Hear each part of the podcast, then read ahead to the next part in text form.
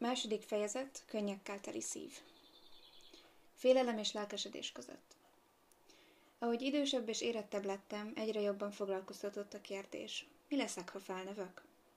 Élveztem a természet megfigyelését és tanulmányozását, ezért azt fontolgattam, hogy tudós leszek. Később meggondoltam magam, amikor láttam a japán gyarmati hatóságok által kifosztott emberek tragédiáját. Annyira szenvedtek, még táplálni sem tudták magukat. Nem úgy tűnt, hogy tudósként, még ha Nobel-díjat nyerek is, letörölhetem a szenvedők könnyeit. Olyan emberré akartam válni, aki képes eltüntetni mások patakzó könnyeit és a szívük fájdalmát. Amikor az erdőben feküdtem és a madarak hallgattam, azt gondoltam, a világot olyan melegséggel és gyengétséggel kell megtölteni, mint ez a dal. Olyas valakivé kell válnom, aki az emberek életét olyan illatossá teszi, mint a virágok. Nem tudtam, milyen pályára kell lépnem ahhoz, hogy ezt beteljesítsem, de meggyőződésemmé vált, hogy olyan embernek kell lennem, aki örömet tud adni az embereknek. Tíz éves koromban családunk áttért a kereszténységre, Munjunguk nagybátyámnak köszönhetően, aki lelkész volt és buzgó hitéletet élt. Attól kezdve hülyen jártam a templomba, egy hetet sem hagytam ki. Ha egy kicsit is elkéstem az Isten tiszteletről, annyira szégyeltem magam, hogy fel sem tudtam emelni a fejem. Nem tudom, mit érthettem meg olyan fiatalon, ami erre ösztönzött, de Isten már határtalanul jelen volt az életemben. Egyre több időt töltöttem olyan kérdésekkel birkózva, mint az élet és a halál, valamint az emberi létezés szenvedése és szomorúsága. Tizenkét évesen tanulja voltam annak, amikor dédapám sírját áthelyezték. Általában csak a klán felnőtt tagjai vehetnek részt ilyen eseményeken, de mindenképpen látni akartam saját szememmel, hogy mi történik az emberrel, miután meghal. Végül is meggyőztem a szüleimet, engedjenek meg, hogy velük menjek. Amikor a sírt kiásták, és láttam a maradványait, hatalmába kerített az ijegység és a félelem. Mikor a felnőttek ünnepélyes szertartással kinyitották a sírt, csak egy vézna csontvázat láttam. Nyoma sem volt azoknak a vonásoknak, amikről apám és anyám mesélt nekem.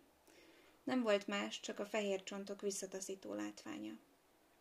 Eltartott egy darabig, amíg kihevertem dédapám csontjainak megdöbbentő látványát. Azt mondtam magamnak, dédapa biztos épp úgy nézett ki, mint mi. Ez azt jelenti, hogy a szüleim is egy kupac fehér csontá válnak, miután meghalnak. Ez történik velem is, amikor meghalok. Mindenki meghal, de miután meghalunk, csak ott fekszünk képtelenül arra, hogy bármit is gondoljunk. Nem tudtam kiverni ezeket a kérdéseket a fejemből. Ez időtájt számos különös dolog történt a házunkban. Egyikre rendkívül élénken emlékszem. Amikor családunk ruhát szőtt, a maradék fonalat mindig levettük a rokkáról, és eltettük egy cserébedénybe, amíg össze nem jött egy vég szövetre való.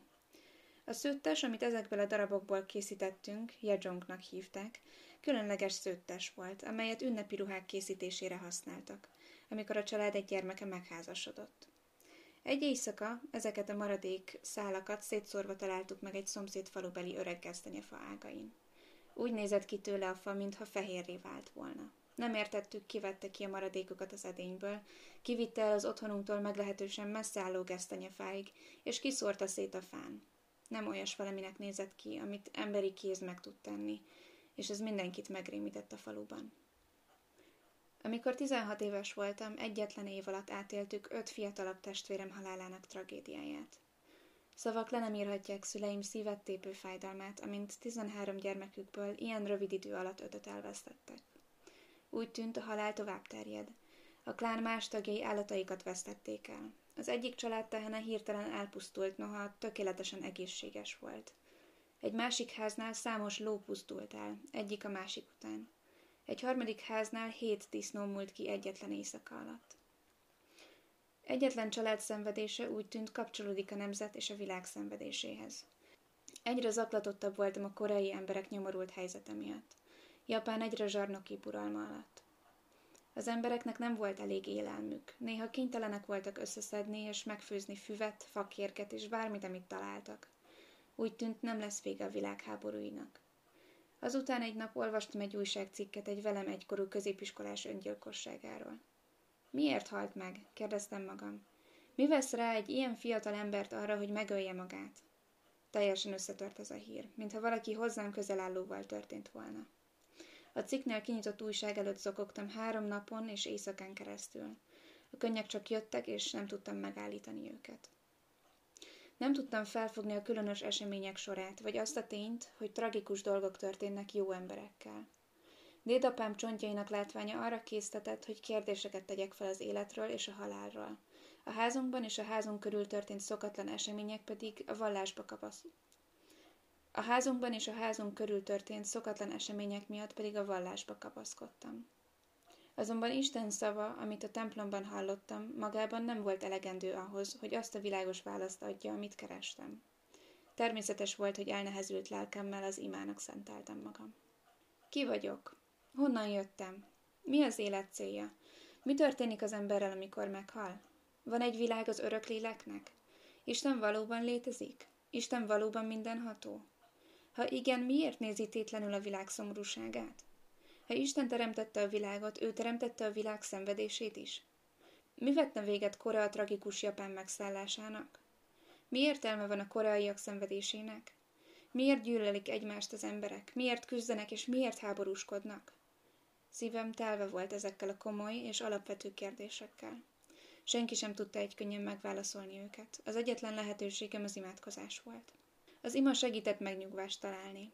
Minden alkalommal, mikor kiterítettem Isten elé szívem gyötrő problémáit, minden szenvedésem és bánatom elenyészett, és a szívem megkönnyebbült.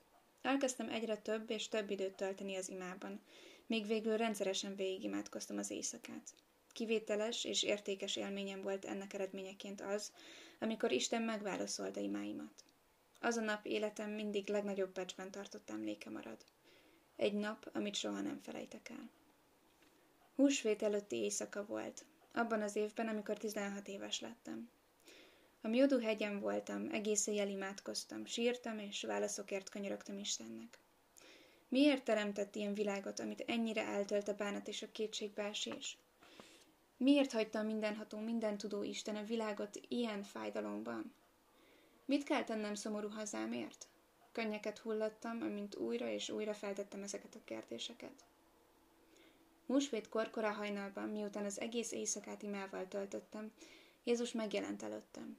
Egy pillanat alatt jelent meg, akár a szélroham, és azt mondta nekem, Isten nagyon szomorú az emberiség fájdalma miatt. Különleges küldetést kell elvállalnod a földön, ami a menny munkájával áll kapcsolatban.